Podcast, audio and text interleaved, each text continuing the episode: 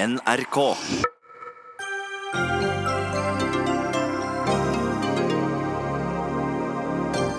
Frp ber Stortinget stanse egen regjering når de selv kommer til kort.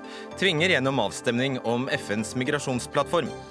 Helseministeren lovte at det skulle brukes mer penger på psykisk helse enn vanlig sykehusbehandling.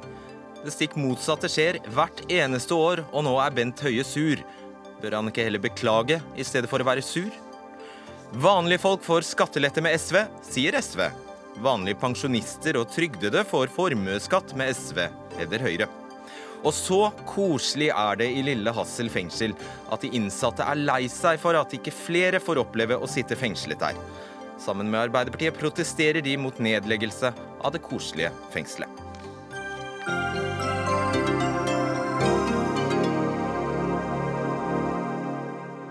God kveld og vel møtt til Dagsnytt 18. Mitt navn er Fredrik Solvang.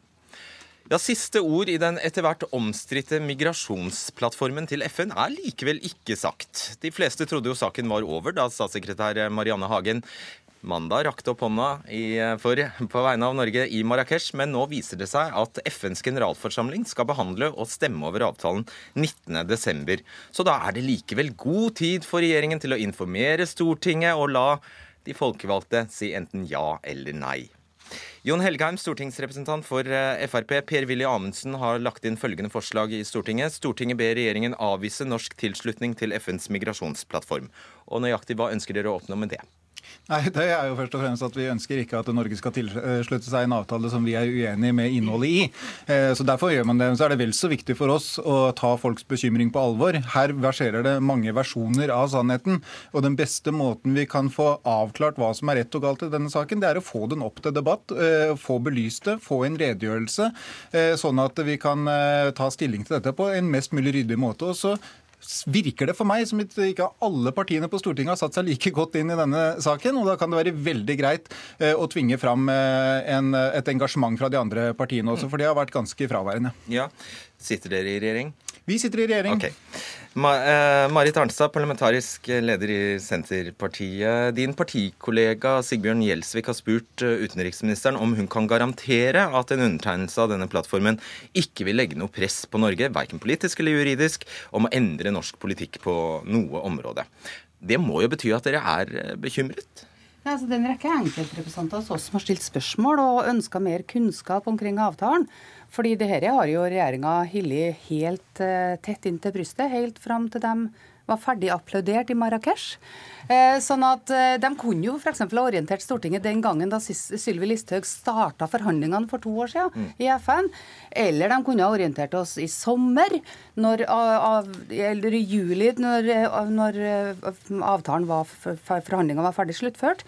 Men de har jo hyllet det dette tett til brystet. Og det påfallende er jo at nå når de har blitt uenige, da skal de plutselig komme til Stortinget. Og på en måte ha Stortinget til å på en måte ha en mening om en avtale vi ikke har sett, en sak som ikke er framlagt for Stortinget. Ja, skjønner, så dere er bare vitebegjærlige. Uh, men hvis dere er skeptiske, så bør dere vel bare stemme for sikkerhets skyld da, ja til FrPs forslag om å skrinlegge hele saken? Altså, vi mener at Her legger det jo ingen sak fra regjeringa i Stortinget. Og Vanligvis er det jo sånn at Stortinget tar stilling til alle de saker som kommer fra regjeringa. Her ligger det ingenting. Her har de kommet lenge etter tidsfristen og på en måte legger fram ett forslag. Ett parti legger fram ett forslag, og et annet parti skal redegjøre. Vi kommer verken til å gi noe råd til utenriksministeren, og vi kommer heller ikke til å stemme for Frp sitt forslag. Stemmer ned FrPs forslag? Ja, Vi kommer til å stemme mot FrPs forslag, og vi kommer heller ikke til å gi utenriksministeren noe råd etter den redegjørelsen som hun har gitt. Og Det er jo fordi at regjeringa har jo ikke gitt Stortinget noe beslutningsgrunnlag i denne saken. her. Det finnes jo ikke noe sak ifra regjeringa i det her. Det er bare fordi de sjøl har blitt uenige at de nå føler at de må på en måte bruke Stortinget til å prøve å redde sine egne skinn. Mari Holm Lønseth, stortingsrepresentant eh, for Høyre. Fortell meg, hva ville det skade at nasjonalforsamlingen fikk informasjon og tok stilling til denne plattformen. Det skader jo heller ingenting at nasjonalforsamlinga nå får, uh, får, informasjon. Det er også derfor utenriksministeren kommer og gir en redegjørelse. Det er også derfor utenriksministeren i den utenrikspolitiske redegjørelsen i februar også fortalte Stortinget om uh, denne plattformen. Men det jeg syns er litt viktig å klarlegge, det er det at det her er en ikke rettslig bindende avtale, som da heller eh, det er også regjeringa sitt anliggende å inngå denne type eller Så den, ja. Ja. den er ikke viktig nok, eh, enkelt sagt. Nei, det, det handler rett og slett om at regjeringa har ansvaret for store deler av norsk også utenrikspolitikk. Dette er en av de avtalene, eller plattformene, som, kan man- som man kan slutte seg til uten at det eh, tillegges Stortinget. Det har vært praksis med skiftende regjeringer. Fordi den ikke er viktig nok. Det handler ikke om at den er viktig, det handler om karakteren av den. Det handler om at det er en ikke-politisk Det handler om at det er en ikke-juridisk eh, plattform som er av politisk karakter. Er den ikke Ja, det skjønner jeg faktisk ikke. Den er ikke ikke. juridisk bindende, og da må den heller ikke tillegges Stortinget. Tror, ja, tror du ikke Stortinget kunne hatt interesse av å eh, vite mer om saken, eller få den framlagt som en sak, og så ta stilling til den? Nå er det en gang sånn at eh, Grunnloven er bygd opp sånn at Stortinget har ansvar for noen saker, og regjeringa har ansvar for andre. Dette er da også en plattform som da Stortinget ikke har ansvar for eh, å gjennomføre. Men når det er sagt, så har jeg ingenting imot at denne plattformen nå kommer opp eh, i Stortinget i morgen. At vi da også får muligheten til å ha en debatt om det. Men jeg registrerer jo egentlig at Arnstad eh, ikke melder seg på i den debatten, og da får vi kanskje ikke heller belyse det på den måten. ja, nettopp. Du skal skyve det over på henne. Eh, Helgheim, eh, utenriksministeren skriver Norge har deltatt aktivt i de mellomstatlige forhandlingene som har pågått i 18 måneder. Det betyr jo at FrPs egen justisminister har involver vært invo dypt involvert. Eh, Ja, FrPs justisminister har også vært involvert, og det skulle jo bare mangle. For man har jo prøvd å påvirke resultatet til å bli bra. Og det har vært 193 land som har sittet og forhandla. Og man har prøvd og prøvd og prøvd helt til det siste, så er det ikke riktig som, eh, som Så det sier her. betyr med andre ord at FrPs egen justisminister har gjort en slett jobb? Nei, nei overhodet ikke. man Men, men det er begrensa, det er begrensa hvor mye en minister kan eh, påvirke i en eh, avtale som skal forhandles frem blant 193 andre land. Når man først har resultatet på plass, det er først da man kan ta stilling til om avtalen er bra eller dårlig. Det skulle jo bare mangle. Så er det ikke riktig som eh, Marit Arnstad sier, at ikke dette har blitt informert om til Stortinget tidligere. Dette har blitt informert om til Stortinget at man er i den prosessen. Alle har støtta at man skal ha prosessen, men det er først nå nylig at resultatet er klart. Og det er da man kan ta stilling til om resultatet er bra eller dårlig.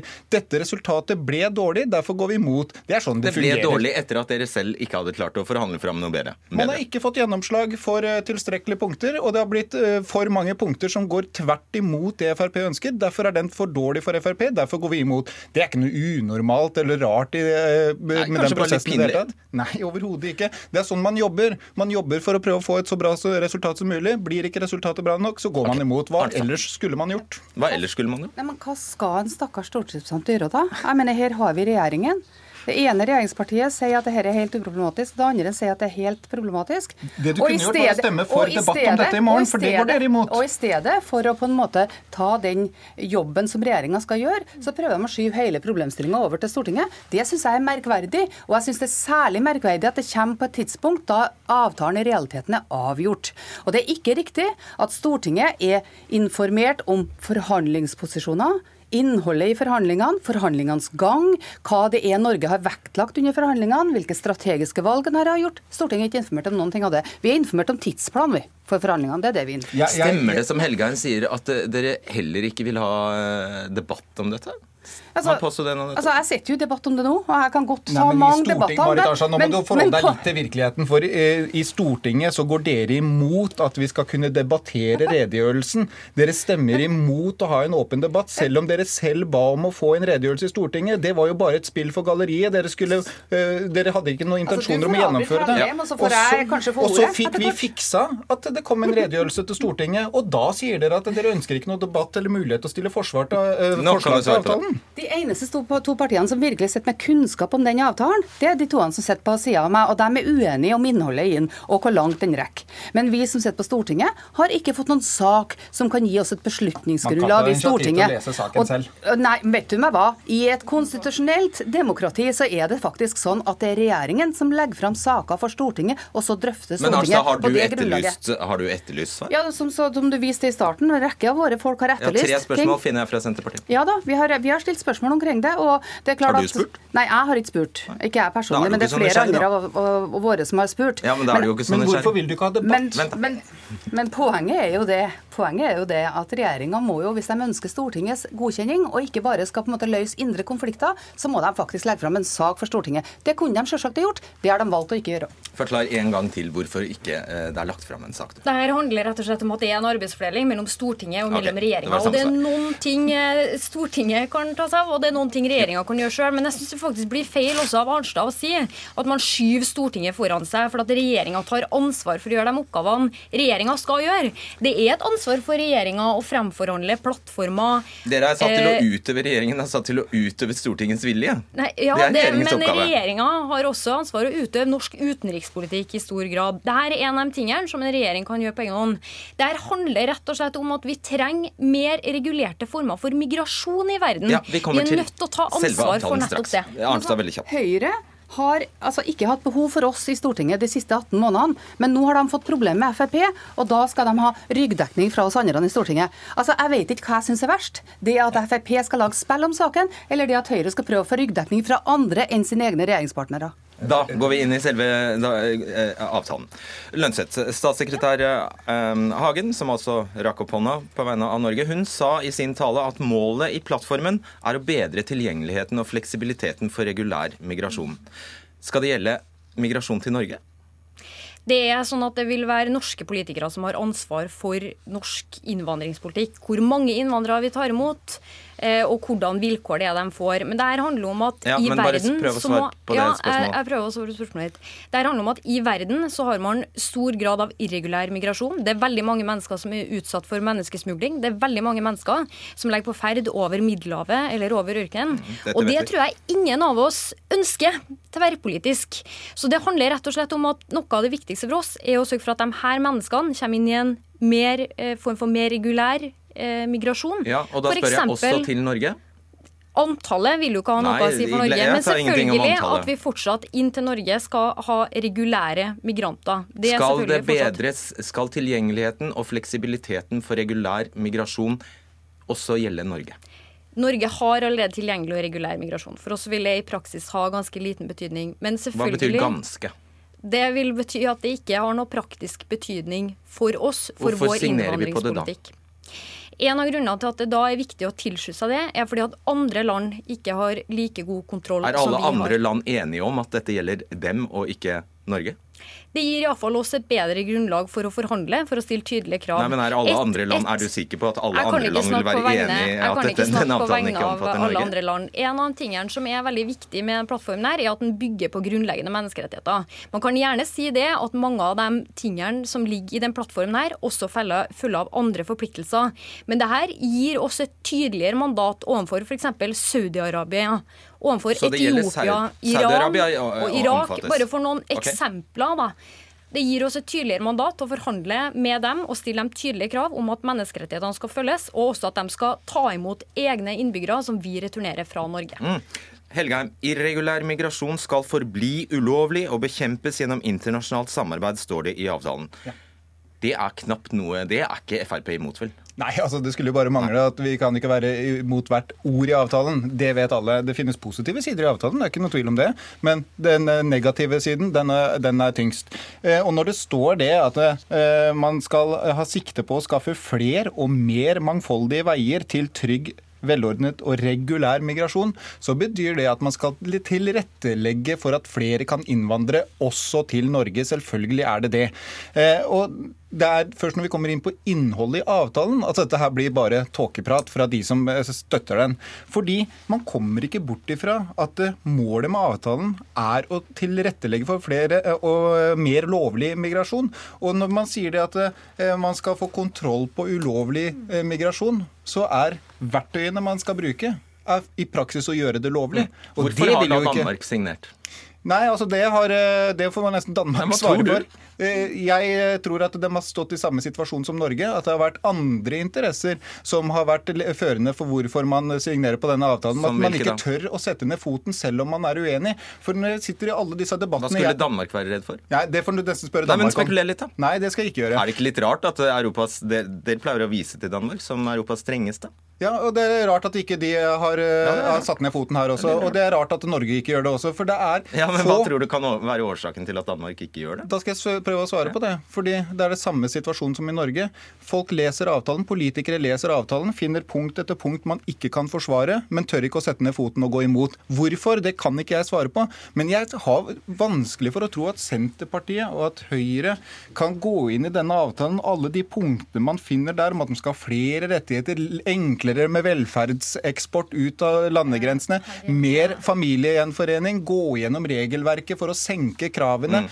At de egentlig er enig i det, men man går for det. Og Det verste punktet her er jo dette med hvordan staten skal inn og styre mediene. Det er sånne punkter som vi finner igjen i Saudi-Arabia og Iran. Og så skal vi liksom gi det som et verktøy til disse landene og si at det er greit å bruke sånne verktøy. Det, jo... det her vet du like godt som meg at det ikke stemmer. Du vet like godt som meg at Norge var helt tydelig på å få inn alt det her som handler om at pressefrihet skulle gjelde. Ja, men det står og ikke det i avtalen. Og det at man også skulle snakke om negative og positive sider ved innvandring.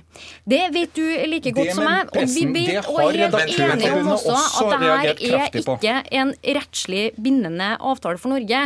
Men det det her gjør, er at vi klarer å samarbeide bedre om en stor internasjonal utfordring. Hvordan skal man greie det hvis det ikke er juridisk bindende? Hvordan skal man greie, hvordan... Det handler om at vi får en plattform som gir oss bedre grunnlag for å snakke med andre land, dem som også har større utfordringer med migrasjon enn Norge. Hvordan gir plattformen bedre grunnlag for å snakke med andre land? Det gir oss en plattform for dialog med andre land. Og dialog. flere av de tingene det står om her, det handler også om at menneskesmugling skal under kontroll.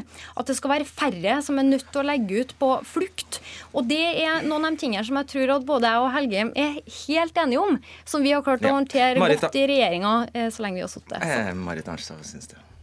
Nei, jeg syns det er like Nå har du godt grunnlag. Jeg synes det er like uklart. Eh, altså, det ene regjeringspartiet sier en ting, det andre sier en annen ting. Jeg har bare én bunnplanke eh, i Senterpartiet, og det er at eh, vi skal styre innvandringspolitikken vår sjøl i Norge. altså Vi skal ha suverenitet over innvandringspolitikken. Eh, det er viktig for meg. Og det sier Høyre at vi har, og så sier Frp at vi ikke har det. Jo, men Da må dere komme på banen og mene men, noe om det. Dere vil ikke men, engang ha men, debatt om saken, og det syns jeg er ganske betegnende. Men Poenget er at hvis det er suverenitetsavståelse i det her, da må jo regjeringa komme til Stortinget, fordi da er de i brudd med Grunnloven hvis de ikke kommer til Stortinget. Ja, det er men, men regjeringa må bestemme seg faktisk for hva det er de skal gjøre overfor Stortinget. Og det nytter ikke med løse forslag og redegjørelser. Det må faktisk være en sak på bordet på Stortinget. For en kjapp, eh, kjapp ting. I Sverige så krever Moderaterna at det foretas en konsekvensanalyse av å tilslutte seg migrasjonsavtalen. Ja. Det kunne jo f.eks. dere ha krevd. Ja, altså Det kan jo være en god mulighet, men først hadde det kanskje vært en fordel om da regjeringa kunne ha bestemt seg og kommet til Stortinget og lagt fram en sak for Stortinget. Altså vi og Det skjer i morgen, men da vil ikke dere debattere det, Marit Arnstad. Det er løse forslag og en redegjørelse som har kommet etter at saken er avgjort i Marrakech. Og Vi har stilt spørsmål over lang tid uten å få svar, og de har hatt muligheter gjennom de siste 18 månedene til å komme til Stortinget, har ikke brukt det før de ble uenige sjøl. Vi har sju dager, en uke, før uh, Norge skal stemme over dette i FN, og det blir kanskje mer snakk om det før den, den tid. I morgen skal altså utenriksministeren til Stortinget for å redegjøre. Tusen takk skal dere Dagsnytt 18 alle hverdager kl 18.00 på NRK P2 og NRK2.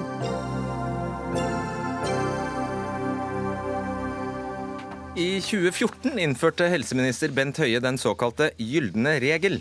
Og Den skulle sørge for at psykisk helse og rusbehandling hver for seg skulle ha en årlig vekst som var høyere enn vanlig sykehusbehandling. Og gjett hva som har skjedd. Hvert eneste år siden har Bent Høie beklaget seg, og hvert år siden har han innrømmet at dette ikke er godt nok. Og nå viser tall fra Dagens Medisin at pengebruken i de regionale helseforetakene faktisk har vokst fem ganger så raskt i somatikken som i psykisk helsevern etter at Høie ble helseminister. Det stikk motsatt av det han lovte, altså. Og her er du, Bent Høie. Velkommen. Takk for det. I disse tallene vi skal bare understreke det, i disse tallene er ikke tverrfaglig spesialisert behandling av ruslidelser, såkalt TBS, med. Dette handler altså om psykisk eh, helsevern for voksne og barn. I 2015 sa du til Dagens Medisin at du ikke var fornøyd. I 2016 var du fortsatt ikke fornøyd. I 2017 sa du at dette er ikke godt nok. Og nå i 2018 er du sint. Det er ikke på tide å bare si unnskyld da, i stedet for å være sinna?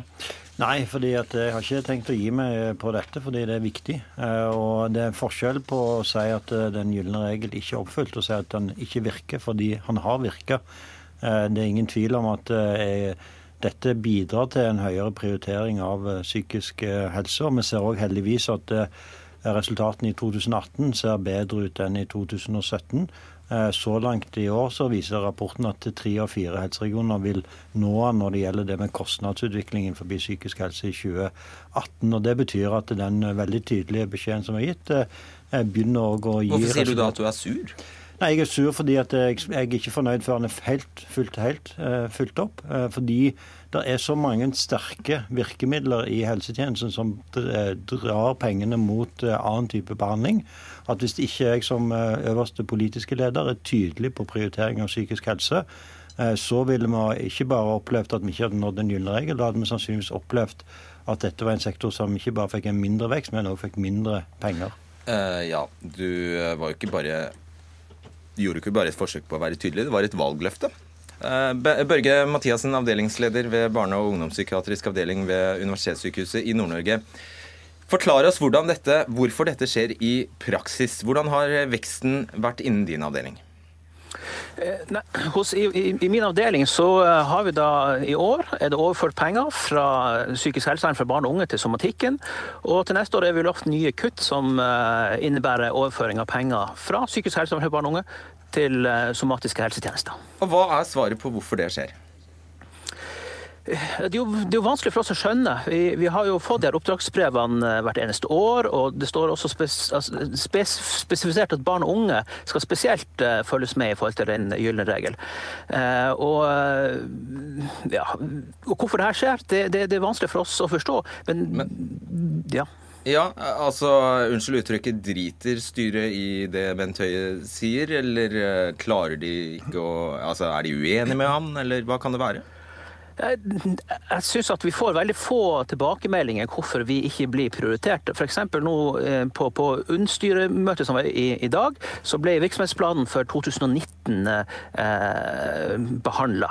Og, og, der er det beskrevet at den gylne regel skal oppfylles ved at vi skal øke aktiviteten og tjene mer penger ved at vi skal jobbe fortere. Nå kan du snakke direkte til Bent Høie. Fortell ham hva konsekvensen er. Altså, konsekvensene er jo at uh, det stilles høyere krav til oss. Uh, det stilles høyere, høyere, forventninger. Også ansatte forventer å få større handlingsrom til å, å, å, å, levere bedre tjenester. For det er behov for å gjøre endringer både i forhold til kapasitet og, og og kvalitet. Så, så, det brer seg en form for håpløshet i, i, i systemet, og det er ikke bra. Høie. Nei, altså jeg, eh, jeg, forstår eh, at en ikke er fornøyd. Det er ikke jeg heller. Jeg, har, jeg sier at dette skal bli enda bedre. Men det er òg klart at eh, vi måler ikke bare den gylne regel på kostnadsutviklingen, vi måler det òg på ventetid hos pasientene og økt aktivitet. Og Det er ingenting i motsetningsforhold mellom den gylne regel og stille krav om aktivitet og resultater for pasientene. Tvert imot. Det er en oppfølging av den gylne regel. Men den skal òg ha en kostnadsutvikling. Det måles på tre parametere. Det er økt aktivitet. Eh, det er økte, eh, økte kostnader og reduserte ventetider. Eh, det er de tre parametrene som en måler den gylne regel på. Så det du La meg bare forsøke å forstå. Det du sier, er at man kan faktisk på nesten magisk vis få til både kortere ventetider samtidig som budsjettene ikke øker? Nei, jeg har jo stilt krav om at budsjettene Ja, Men det gjør jo ikke det i realiteten, da. men jeg sier at uh, en kan ikke si at det er motsetning mellom å bli stilt krav til når det gjelder aktivitet, og den gylne regel. Men det er jo helt fantastisk. Hvordan Så, går det an? Men, uh, men en må òg og jeg, men det måles òg på når det gjelder økte kostnader. Selvfølgelig er det mulig mange steder òg å få mer aktivitet ut av de ressursene som en har. Stemmer det, Børge? Er det Børge Mathiassen? Går det an? Altså, vi jobber jo kontinuerlig med å utvikle tjenestene, bruke ressursene bedre. Eh, og det, det, det, det, er et legitimt krav å stille til oss. Men, men eh, de økonomiske rammene vi har, vil jo også i stor grad prege handlingsrommet vi har for å utvikle gode tjenester. Og, og klart, Når vi hvert år blir kutta i budsjettene, og samtidig blir det et krav om at vi skal levere bedre tjenester, kortere ventetid, så, så, så, så opplever vi mange av oss at dette er rett og slett en problematisk situasjon. Mm. Tor Levin Hofsgaard, du er president i Den norske psykologforening. Du har faktisk kalt dette en politisk bløff. Hvorfor det? Ja, det at Jeg har kalt det en politisk bløff fordi nå har regjeringen i fem år fortalt den norske befolkningen at de har gjeninnført den gylne regel, som skal føre til større vekst i psykisk helse enn i, annen, enn i annet sykehus. Og, og så skjer det ikke. Eh, og da tenker jeg at da må man kalle dem, det de gjør, en bløff. Fordi de har faktisk lovet den norske befolkningen at dette skal prioriteres. Og jeg tviler ikke på Bent Høie sin intensjon om at det skal prioriteres. Det som skjer dessverre ute i klinikken, er jo nettopp det vi hører Børge Mathisen si, at det kuttes. Det reduseres tilbud. Man, man eh, tar ut pasientene fra tilbudene mye tidligere enn det man skal. Så opplevelsen til de som får tilbudene, er at de blir dårligere. Og befolkningen tror jo at det har blitt bedre, fordi eh, regjeringen hele tiden sier at de har gjeninnført den gylne regel. Ja, og ikke bare sier de det, de sier også at ventelistene går ned. Det sier de, eh, og der har man jo også en del eh, problematikk rundt interne ventelister. Der man, man innfør, har altså da begynt å ta inn folk raskere til første timen. Så situasjonen er man tar inn folk til første timen, og så må man vente internt. Oh ja, denne man, triksingen? Ja. så man Det er litt sånn kreativ bokføring der ute. Så et, en, en, ungdom på 16 år som får et tilbud på en dupp, f.eks., eh, får første timen, og så må man, kan, da må man vente. Da er det ikke så veldig mye å skryte av? Jo, for ventetidene går ned, og eh, ventetidene underveis i et behandlingsforløp. Vi måler jo dette. sånn at Eh, det er ikke bare ventetidene til første møte som har, eh, som har gått ned, men òg ventetiden underveis i behandlingsforløpet. Eh, så, så det, er en, det, er ikke en, korrekt fremstilling. Og så er det også sånn at, som jeg sa, at i, til nå i år så ser vi at tre av fire av helseregionene våre og når den gylne regelen når det gjelder høyere kostnadsvekst innenfor psykisk helse enn somatikken. Eh, så det er heller ikke et korrekt bilde at det kuttes, eh, kuttes overalt. Og så, jeg også, eh, så vil jeg òg si det som også din tillitsvalgte på Oslo universitetssykehus sier, Birgit Ondre, at hun tror at situasjonen hadde vært verre uten den gylne regelen. Det er jeg helt enig i. Så jeg er ikke fornøyd med oppfølgingen, men jeg syns det er ikke noe særlig positivt for arbeidet med å prioritere psykisk helse, at en angriper et av de faktisk virkemidlene som vi har eh, for å sikre prioritering av psykisk helse. Så prioriterer ikke jeg bare psykisk helse når det gjelder sykehusene, men ikke minst òg i kommunene, der vi nå har en rekordvekst i antall ansatte som jobber med barn og unge innenfor psykisk helse. Så dette er et totalbilde av en situasjon der vi har en regjering som faktisk prioriterer psykisk helse. Hvis dette er eh, avgjørelser som tas eh, på helt eh, lokalt klinikknivå, og de sitter og ser på at folk blir psykisk sykere dag for dag, for dag så er det jo der ansvaret ligger. Du retter jo baker for smed hvis du, hvis du peker på Høie. Nei, Høie er eier av sykehusene i Norge. Det er han som, eh, er eier, han som representerer oss som eier av sykehusene. Så han sender oppdragsdokumenter til sykehusene. Ja, Men Høie behandler jo ingen. Nei, men han uh, sender oppdragsdokument til uh, styrene. Og styrene sier nå rett ut faktisk at dette gjør vi ikke. Dette kommer vi ikke til å prioritere. Vi forstår ikke hvordan vi skal gjøre dette som Bent Høie ber oss om. Så dette prioriterer vi ikke å gjøre. Og de skjønner ikke hvordan de skal realisere denne regelen. Og Da tenker jeg da må Bent Høie ta i bruk de verktøyene han har i verktøykassa si til å få dette faktisk gjennomført. ja, Nevn et sånt. Ja, jeg, jeg, har jo noen ganger sagt at uh, man må se på styresammensetningen. Da. Hvis man ikke har styrer som funker i, i, i, i helseforetakene, så må styrene få jobben, uh, må ha et annet styre. Men jeg er, ikke, jeg er, ikke, den som skal fortelle Bent Høie hvordan han skal gjøre jobben sin. Det må Bent Høie finne ut av selv, hvordan han kan ta det eierskapet som han faktisk har over sykehusene, på alvor. Uh, jeg aksepterer ikke at de har like dårlige resultater i 2018 som i 2017, sa du til NTB. Hva gjør du da? Hva har du tenkt å gjøre? Nei, Jeg aksepterer ikke det, og derfor er jeg også veldig glad for at de har bedre resultater i 2018 enn i 2017. Så jeg opplever at de styrene som jeg oppnevnte i januar 2018, de har eh, fått til bedre resultater på dette området. Det var det noe jeg var veldig klar til dem eh, på møtes, første møte jeg hadde med dem etter de var oppnevnt. Alle fire styrelederne og styrene. Og jeg sa at hvis en ikke nå oppnår bedre resultater på dette området, så kommer det òg til å få konsekvenser. Da får de sparken som sier styremedlemmer? Det er en mulighet. Men uh, nå ser en at uh, resultatene blir bedre, men jeg er ikke fornøyd. og Det betyr òg at jeg i oppdragsdokumentet for 2019 uh, kommer til å skjerpe inn disse kravene. Jeg kommer òg til å gi Helsedirektoratet og helseregionene et oppdrag for å se på innholdet i den gylne regel, for å gjøre at den blir enda mer operativ for styrene og lederne. Ok, Børge Mathiassen, Hva skjer da når kravet blir ytterligere innskjerpet på lokalt, helt, helt der nede i klinikkene? Hva skjer da? Nei, altså det, det, jeg opplever, det er at, at kravene til å uh, utføre tjenestene øker, mens rammen blir mindre. Og det er en utfordrende situasjon. Uh, Strengere krav, mindre penger, er det det du sier? Ja, ja det er det vi opplever. Men får, nå forskutterer du jo. Hvordan kan du vite at det blir sånn? Nei, altså, jeg vet jo budsjettet mitt til neste år. Da blir det kutt. Eh, og så har vi fått pakkeforløp med nye krav. Mye bra i pakkeforløpene, men det vil kreve høyere eh, ressurser. Eh, og dem har vi ikke. Pakke, disse pakkeforløpene, det stemmer det, de skal innføres fra neste år. De vil gjøre det dyrere, er det det du sier? Ja, altså Pakkeforløpene vil stille noen tydeligere krav til eh, kvalitet og kapasitet i tjenesten. Eh, vi skal ha flere spesialister, det skal innføres pakkeforløpskoordinatorer. og det her er, vil nødvendigvis føre til økte utgifter. Det er jo, det, det, det, det er jo ting vi ikke har i dag, så vi, vi, må jo på en måte skaffe oss handlingsrom til å betale for de tjenestene. Dette er jo historie fra virkeligheten du bare må forholde deg til. Ja, og derfor så mener jeg at pakkeforløp er nettopp et veldig godt verktøy òg for å få prioritert opp psykisk eh, helse. og Det har jeg vært veldig tydelig overfor helseregionene på. At nå får dere som leder òg et verktøy dere vil nå få veldig tydelige tilbakemeldinger eh, fra tjenesten på hvilke områder det er behov for mer eh, ressurser. Eh, og Da har en nå fått pakkeforløpene. Hva er pakkeforløpet igjen? Ja, pakkeforløpet er rett og slett det samme som vi har gjort på kreftområdet. Der vi lager mer forutsigbare pasientforløp for pasientene. Gir pasientene større innflytelse Eh, på behandlingen. Det er selvfølgelig ikke en kopi av kreft, for psykisk helse er ikke det samme. Fagmiljøene, pasientene og sittet jobber med dette sammen. Eh, og det som jo eh, vil gjøre med pakkeforløpene, det er at vi får òg mer måling av aktiviteten, som vil gi styrene en mye mer tydelig tilbakemelding på at, om de prioriterer her riktig. Så jeg er helt overbevist om at pakkeforløp kommer det bare en stor fordel for pasientene, men det kommer òg til å være et viktig verktøy for lederne å faktisk få til en prioritering av psykisk helse. Ok, svar på det. Ja, altså, jeg bare, Ut fra den historien som Børge Mathisen forteller fra, fra, sitt uh, arbeidssted, det er den meldingen vi får fra veldig mange av våre medlemmer, som sier sånn er det og veldig mange steder i Norge nå. Og det svaret vi får fra regjeringen er vi har gjeninnført den gylne regelen og vi skal bli strengere. Det er det samme som har blitt sagt i fem år, og vi er litt lei av at det er det vi får som svar. Det det fører til er at, det jeg tror det fører til, er at vi diskuterer den gylne regel, om den er der eller ikke, og så får vi ikke diskutert det som faktisk er problemet, at det kuttes i tjenesten.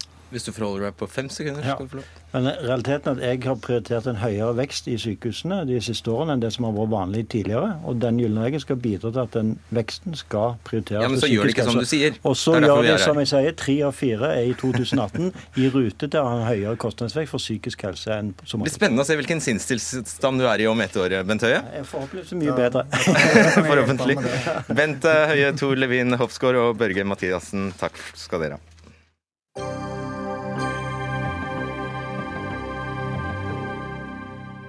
Det er vanlige folk med vanlig inntekt som må betale når SV vil øke formuesskatten, mener Høyre.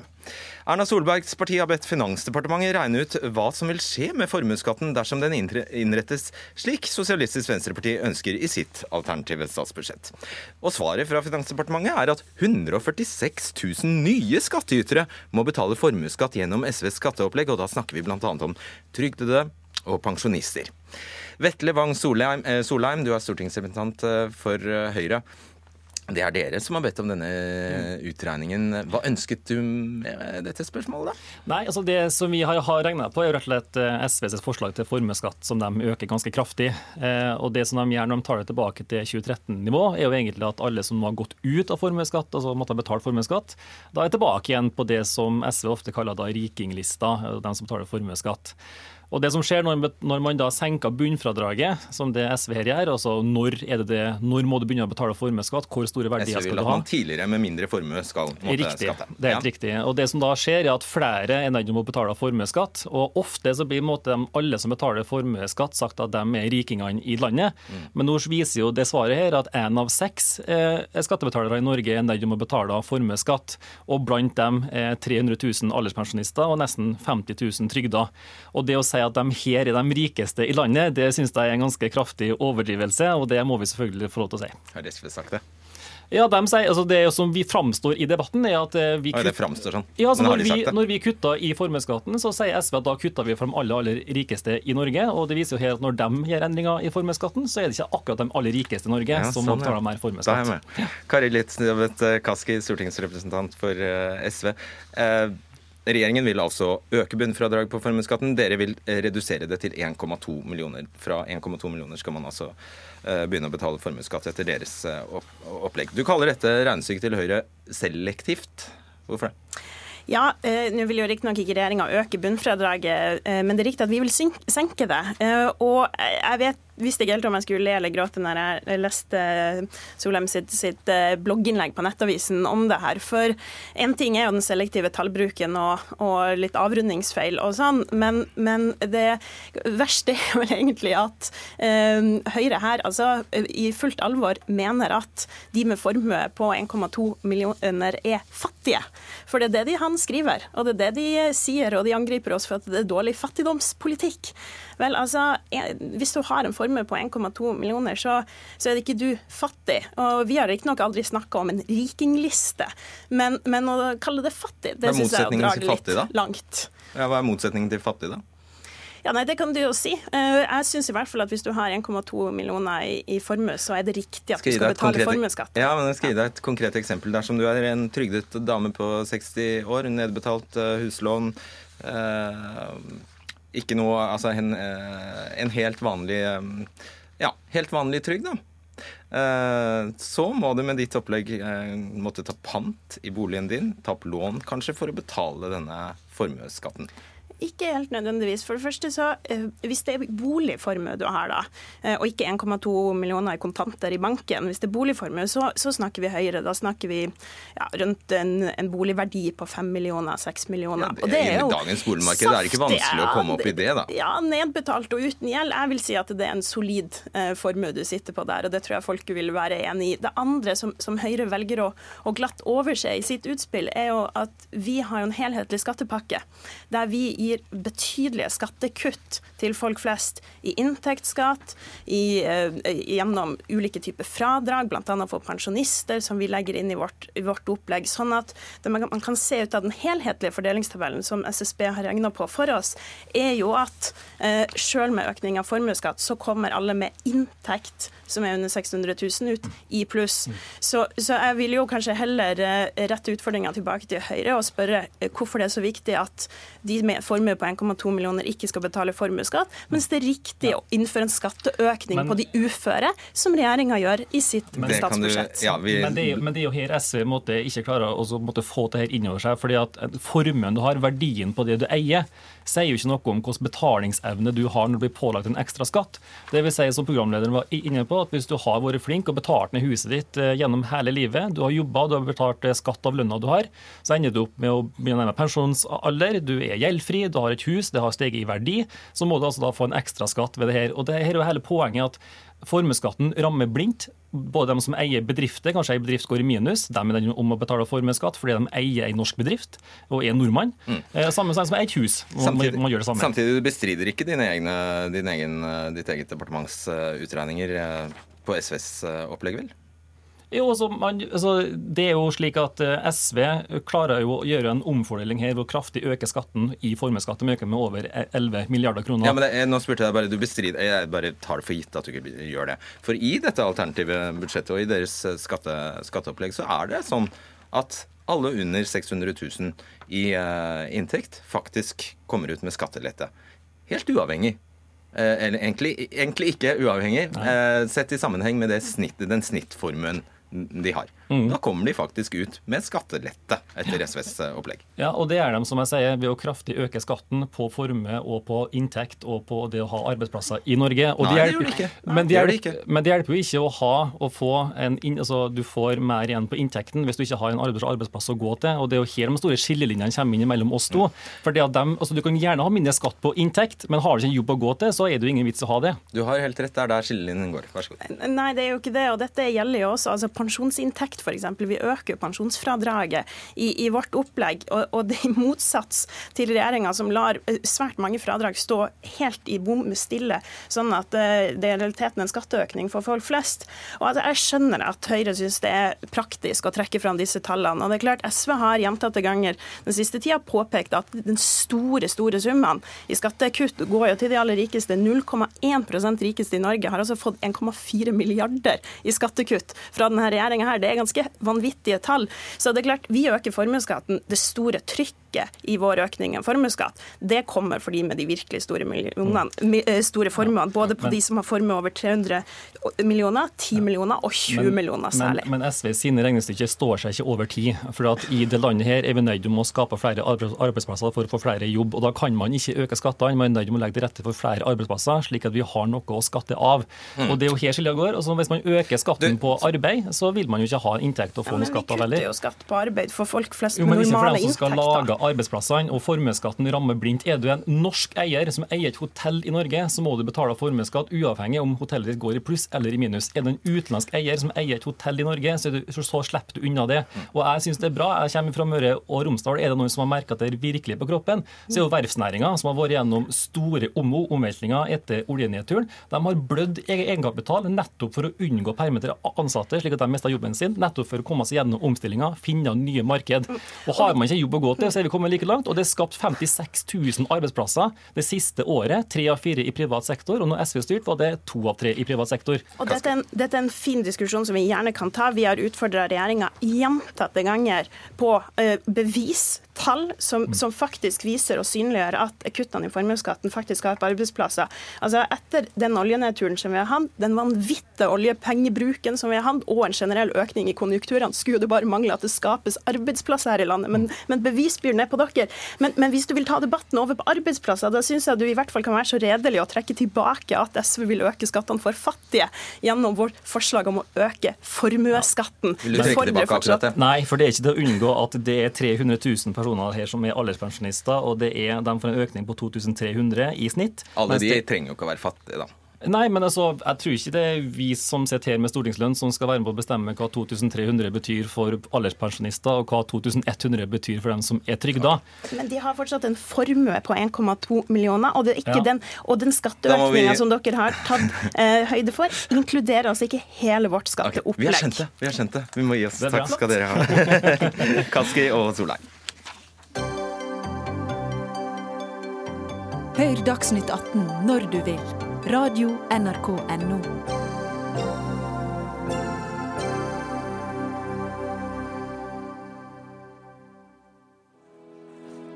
Jeg skal bli løslatt om to dager, og jeg er lei meg for folka som ikke får oppleve det jeg har opplevd.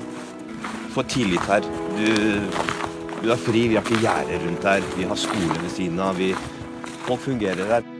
Så koselig er det i Hassel fengsel. Seks lavsikkerhetsfengsler foreslås nå nedlagt i regjeringens statsbudsjett.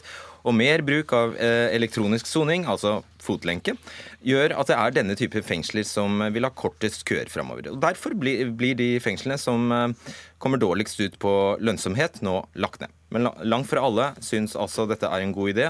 Og senest uh, i går la Arbeiderpartiet ut denne Facebook-videoen til støtte for å bevare et av disse fengslene. Vi hørte her en innsatt fra Hassel fengsel. Det er jo rørende da, Maria i Buskerud. Maria Aasen eh, Svendsrud, du er stortingsrepresentant eh, for Arbeiderpartiet. Hvorfor reagerer dere så veldig på altså, Ja, hvorfor reagerer dere sånn? Nei, altså Poenget med straffegjennomføring i Norge det er at folk som har begått lovbrudd, de skal tilbake til samfunnet og bli gode naboer for oss. Eh, og disse åpne fengslene, sånn som Hassel og en rekke, rekke fengsler som nå regjeringa foreslår å legge ned, de er spesialiserte på nettopp dette siste trinnet i soningstrappa, som vi kan kalle det, som nettopp handler om dette med tilbakeføring. Fordi de er så gode, sånn som Hassel forteller her, på normalitet. Det å leve i et tilnærmet normalt liv, tross mm. alt med frihetsberøvelse, det skal det jo være i fengsel. Men også dette med nærhetsprinsippet og nærhetsprinsippet til et samfunn. Det å kunne fungere fungere i et mikrosamfunn. Og hvis vi ønsker at folk skal komme tilbake til samfunnet som gode naboer, så er vi nødt til å tilrettelegge for rehabilitering. Skjønner. Og da reagerer vi. Frida Melvær, du er stortingsrepresentant for Høyre. Ledelsen med f.eks. Hassel fengsel opplyser at alle soningsplassene er i bruk. Det er lange ventelister på å få sone der. Så hvorfor skal det nedlegges? Nå er det jo sånn at uh, Vi må jo se kriminalomsorgen under ett. Vi har fått vekk alle soningskøene. Når vi tok over i 2013, så var det en kø på 1200 dømte som venter på soningsplass. I dag er den køa i realiteten vekke, og vi har et kapasitetsoverskudd, særlig på på åpne soningsplasser eh, på over 250 eh, plasser i dag. Vi Hvordan kan det være et... venteliste her, da?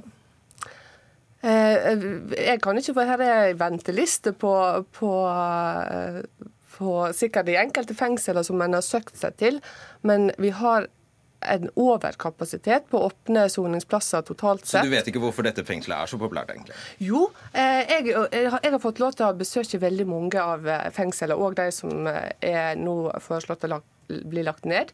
Og jeg opplever at de ansatte har en veldig fin holdning, de gir gode tilbud, men vi har for mange plasser ledige. Svensson. Ja, altså Norge vi har verdens best utdanna kriminalbetjenter, og det skal vi være veldig veldig stolt av. Eh, men det som er problemet her, sånn er at når både eh, Høyre her og også statsråden sier at vi må se kriminalomsorgen under ett, eh, så er det noen glipp. Altså, Soningskøene ble tatt ned fordi denne regjeringen brukte 1 milliard kroner på å sende fanger til Nederland. Så har vi nå et belegg i fengslene, altså en prosent, på rundt 90 det er i seg selv veldig bra. Det gir oss rom i kriminalomsorgen, og det gir tid til å rehabilitere de innsatte. Og så er det faktisk en buffer opp mot køene. Og det jeg ikke tror regjeringa har tatt høyde for, det er at køene som var i kriminalomsorgen, de er nå flytta flytta til domstolene og til politiet og påtale. Og Der har det danna seg en propp, også fordi regjeringa har underfinansiert politireformen bl.a. og underfinansiert domstolene.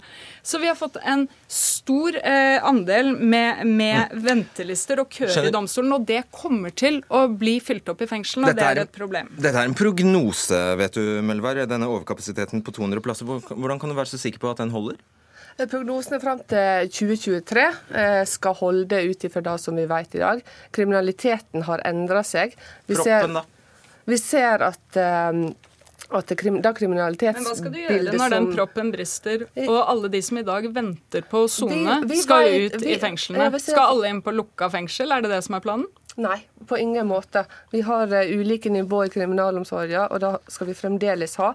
Men vi vet at den, den uh, kriminaliteten som eller lavere kriminalitet og eller mindre alvorlige hendinger. Dere satser på at vi skal bli mer lovlydige, er det det? Den går veldig ned. Okay. Uh, mens at vi ser at det, den mer alvorlige kriminaliteten øker. Sånn at vi, vi, ser at det vil være et behov for mer kapasitet på uh, lukka plasser.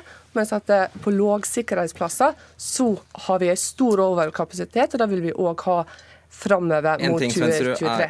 En ting er eh, overkapasiteten, en annen ting er at anbefalingen om å legge ned kommer fra Kriminalomsorgsdirektoratet, faktisk. Mm. Og er basert på bl.a. vurderinger av driftskostnader, bygningsmessige eh, forhold, fremtidige eh, behov. Mm. Og her kommer altså Hassel, som er foreslått nedlagt, dårligst ut. Mm. Tar direktoratet feil, da?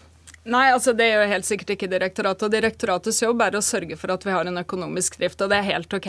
Men det er to sider av denne ja, hvorfor debatten. Lager dere Facebook-videoer for å beholde jo, fordi akkurat Hassel, da? Jo, fordi at eh, noe som jeg stusser veldig over, som er argumentasjonen som særlig kommer fram fra regjeringen i proposisjonen til Stortinget, det er at eh, nå skal alle over på EK, så da trenger vi ikke disse. Eh, fotlenke.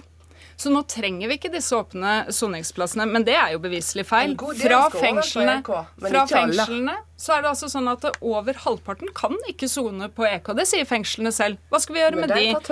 Og så er det denne verdidebatten som jeg synes er litt interessant. Fordi at direktoratet de kan komme med faktaopplysninger, og så må vi ta verdidebatten. Hvordan type kriminalomsorg ønsker vi å ha i Norge i fremtida? Og sånn jeg og Arbeiderpartiet opplever det. Vent litt, og la meg snakke ferdig. Fordi som vi opplever det, så har denne regjeringen bygd ned norsk kriminalomsorg stein for stein. De går tilbake til en vann- og brød-mentalitet. Det er totalt umoderne, og det kommer Arbeiderpartiet til å protestere imot. Vær så god. Dette, her, dette blir uh, veldig rart å sitte og høre på. Vi har jo tvert imot bygd opp kriminalomsorgen stein for stein eh, de siste åra. Vi har tatt ned fengselskøene, vi har uh, utvida kapasiteten, vi har bygd nytt, vi har rehabilitert fengsler for uh, 950 millioner kroner. Vi vet at etterslepet er enormt etter åtte rød-grønne år.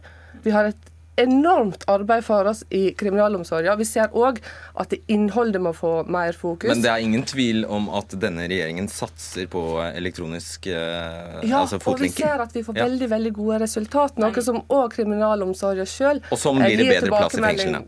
På. Og, og sånn blir det bedre plass i fengslene. Og sånn blir det bl.a. bedre plass i fengslene, men vi har heller ikke soningskøer. Det er noen, sånn det er noen brister i den logikken. fordi at uh, i dag så bruker vi 50% av den kapasiteten som er på Ekom. Men eh, problembeskrivelsen i denne saken det er at regjeringa har kutta i kriminalomsorgen. Det er mer eh, isolasjon, det er mer tvang overfor innsatte, mer vold og trusler overfor de ansatte. Eh, kriminalomsorgen, ansatte og tillitsvalgte har over tid okay. protestert. De, og det siste leddet som skjer nå, er at man altså legger ned til å forsterke innholdet i kriminalomsorgen, og ikke finansiere tomme soningsplasser. Det er ikke en satsing på innhold i kriminalomsorgen med denne regjeringen. Nå blir dere kastet ut av vaksjefen her. Takk skal dere ha, Frida Melvær og Maria Aasen Svendsen.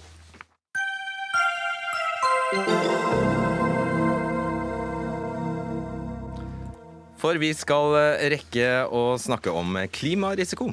Norge har et godt utgangspunkt for å håndtere klimarisiko, men stor usikkerhet tilsier at oljesektoren og finanspolitikken bør stresstestes, foreslår det såkalte Klimarisikoutvalget, som i dag leverte sin rapport til finansminister Siv Jensen. Utvalget mener at staten bør etablere, vedlikeholde og offentliggjøre et sett med ulike scenarioer for oljegasspriser Ragnar Torvik, professor i samfunnsøkonomi ved NTNU og medlem av utvalget. Hva betyr det? Det betyr det at eh, vi vet jo ikke hvordan fremtida blir, men det vi vet er at det er veldig usikkert. Og vi skal over til et lavutslippssamfunn. Og da kan vi jo se for oss at i et scenario så er jo da at prisen på olje og gass går ned. Og hvis prisen på olje og gass går ned, så kan jo det ha en betydelig økonomisk effekt for Norge. Altså For å ta et talleksempel. Hvis det blir sånn at, eh, at pris og volum på olje og gass går ned fra nå til null i 2050, ja, da vil det være sånn at, eh, at eh, det vil kanskje kunne redusere vår olje- og gassformue med ca. 4000 milliarder, eller 800 000 kroner per nordmann. Derfor er det viktig å ta hensyn til at siden verden er usikker, så må vi spenne ut rommet for hva er det som er mulig, og vi må legge det til grunn når vi tar beslutninger. Ja, og helt konkret, hva, hva er det staten bør gjøre med tanke på et sånt eh, scenario om 50 år? Altså, Vi mener jo da at eh, ved å, ved å, klargjøre hva man tenker om eh, olje- og gasspriser, hva man tenker om CO2-priser, og legge til grunn at Paris-målene skal nås, da må man ta hensyn til de prisbanene når f.eks. man beslutter om nye utbygginger. Nettopp. Arild Hermstad, du er nasjonal talsperson i Miljøpartiet De Grønne. Hva syns du om det som ble overlevert Jensen i dag? Jeg syns den rapporten var meget bra. Eh, mye bedre enn vi kunne forvente. Og jeg syns at den rapporten er et veiskille for norsk klimapolitikk. Det må være en kraftig vekker for en regjering som fører en helt utilstrekkelig eh, politikk i dag. Hvorfor det? Det er jo rett og slett fordi at eh, de barna som fødes i dag, vi snakker 60 000 barn som blir født hvert år i Norge. Hvordan er det for de når århundret passeres neste gang? Altså om eh, knappe 100 år. Denne rapporten viser jo at eh, den største risikoen vi står overfor, det er rett og slett eh, den fysiske risikoen fra klimaendringene. Og den sier en mislykket klimapolitikk. Det betyr at vi kommer til å stå i fare for at eh, altså det, det, er rett og slett alvorlig for Hvordan livet på jorda. Hvordan er det et spark til denne regjeringen? Jo, fordi at man også sier, I neste øyeblikk så sier man at eh, en vellykket klimapolitikk det betyr lavere priser på olje og gass. Og Vi har en regjering som freder oljesektoren, som ikke ønsker å diskutere det i et klimaperspektiv. Og Den tiden må faktisk være forbi, for der, de to tingene henger sterkt sammen. I tillegg til at en haug med andre tiltak er nødvendig for å nå de målene vi har. Stefan Heggelund, stortingsrepresentant for Høyre, tar du det til deg? Nei, jeg gjør ikke det. Først har jeg lyst til å bare si at denne rapporten var akkurat så bra som jeg hadde forventet. Det var et veldig kvalifisert utvalg som ble satt ned. Og rapportens konklusjon viser jo og bekrefter hvor riktig det var at regjeringen nedsatte dette utvalget og bestilte denne rapporten.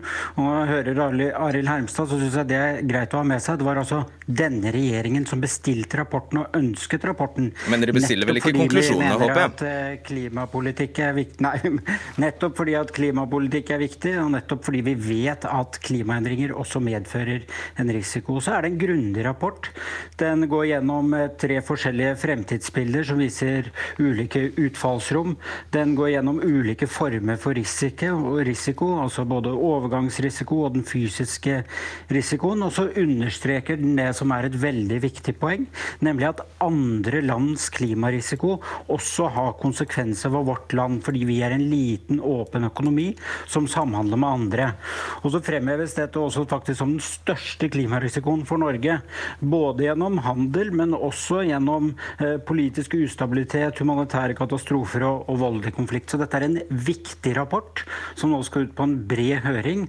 Og så vil det være med på å danne grunnlag for regjeringens klimapolitikk, hvor vi både skal kutte hjemme og selvfølgelig også internasjonalt. Og siden du valgte å ikke svare på at, dette, at hele rapporten er et spark til regjeringen, så antar jeg bare at du er er enig. Um, Ragnar Torvik eh, Nei, ikke det, nei. Men du svarte ikke, valgte å ikke svare på det, så da går ordet videre til Ragnar Torvik igjen. Vi bestilte rapporten, og det gjør vi fordi at vi mener at dette er et, en viktig tematikk. Så jeg svarte på det. Det ville jo vært helt merkelig av oss å bestille en rapport om klimarisiko hvis ikke vi var opptatt av det temaet. Ragnar Torvik, egentlig så handler vel denne rapporten minst om Norge og mest om verden? Ja, det er klart at hvis vi skal se hva er den største risikoen, så er det knytta til fysisk fysisk risiko i andre land enn Norge. Og Det som er litt tragisk, er jo at det er de landene som har sluppet ut minst klimagasser, som står for den største risikoen, eh, f.eks. i Afrika. Og Grunnen til det er jo at eh, de fysiske virkningene kanskje på klimaet der blir sterkest.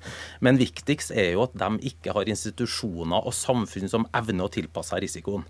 Det betyr jo det at vi ser på den største fysiske risikoen for Norge. Det er nettopp den indirekte risikoen vi får ved at det kan gå skikkelig dårlig, f.eks. i Afrika. Da kan det, bli, det kan bli økt forekomst av sult, det kan bli borgerkrig, og det kan bli enda større migrasjonsbølger inn mot eh, Europa enn det vi har sett nå. Og Det er klart at det er et scenario som er såpass sannsynlig at vi må tenke gjennom konsekvensene. Og Det er derfor et norsk statlig regjeringsoppnevnt eh, utvalg bryr seg om hva som skjer i Afrika? Ja, Det er i hvert fall en av grunnene til. Men det er klart at vi har også virkninger på norsk økonomi. altså Vi har allerede nevnt oljesektoren her, som kan være en utfordring.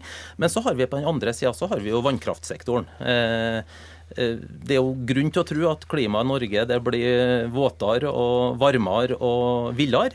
Eh, det betyr økt nedbør. Men det betyr også kanskje økt kraftproduksjon. Og kanskje også kan det være sånn at prisen på ren kraft går opp i forhold til prisen på skitten kraft. Så det vil være en fordel for oss. Ja, det, det, er riktig som han sier her, at eh, det vil være noen positive effekter også. Men eh, det er klart at det overskygges jo totalt av de, eh, den store risikoen det er med å la klimaendringene forbli uløst. Og det som er viktig med utvalget, de hadde jo ikke noe mandat til å foreslå politikk. Så nå må jo regjeringen levere politikk. Vi skal bidra masse.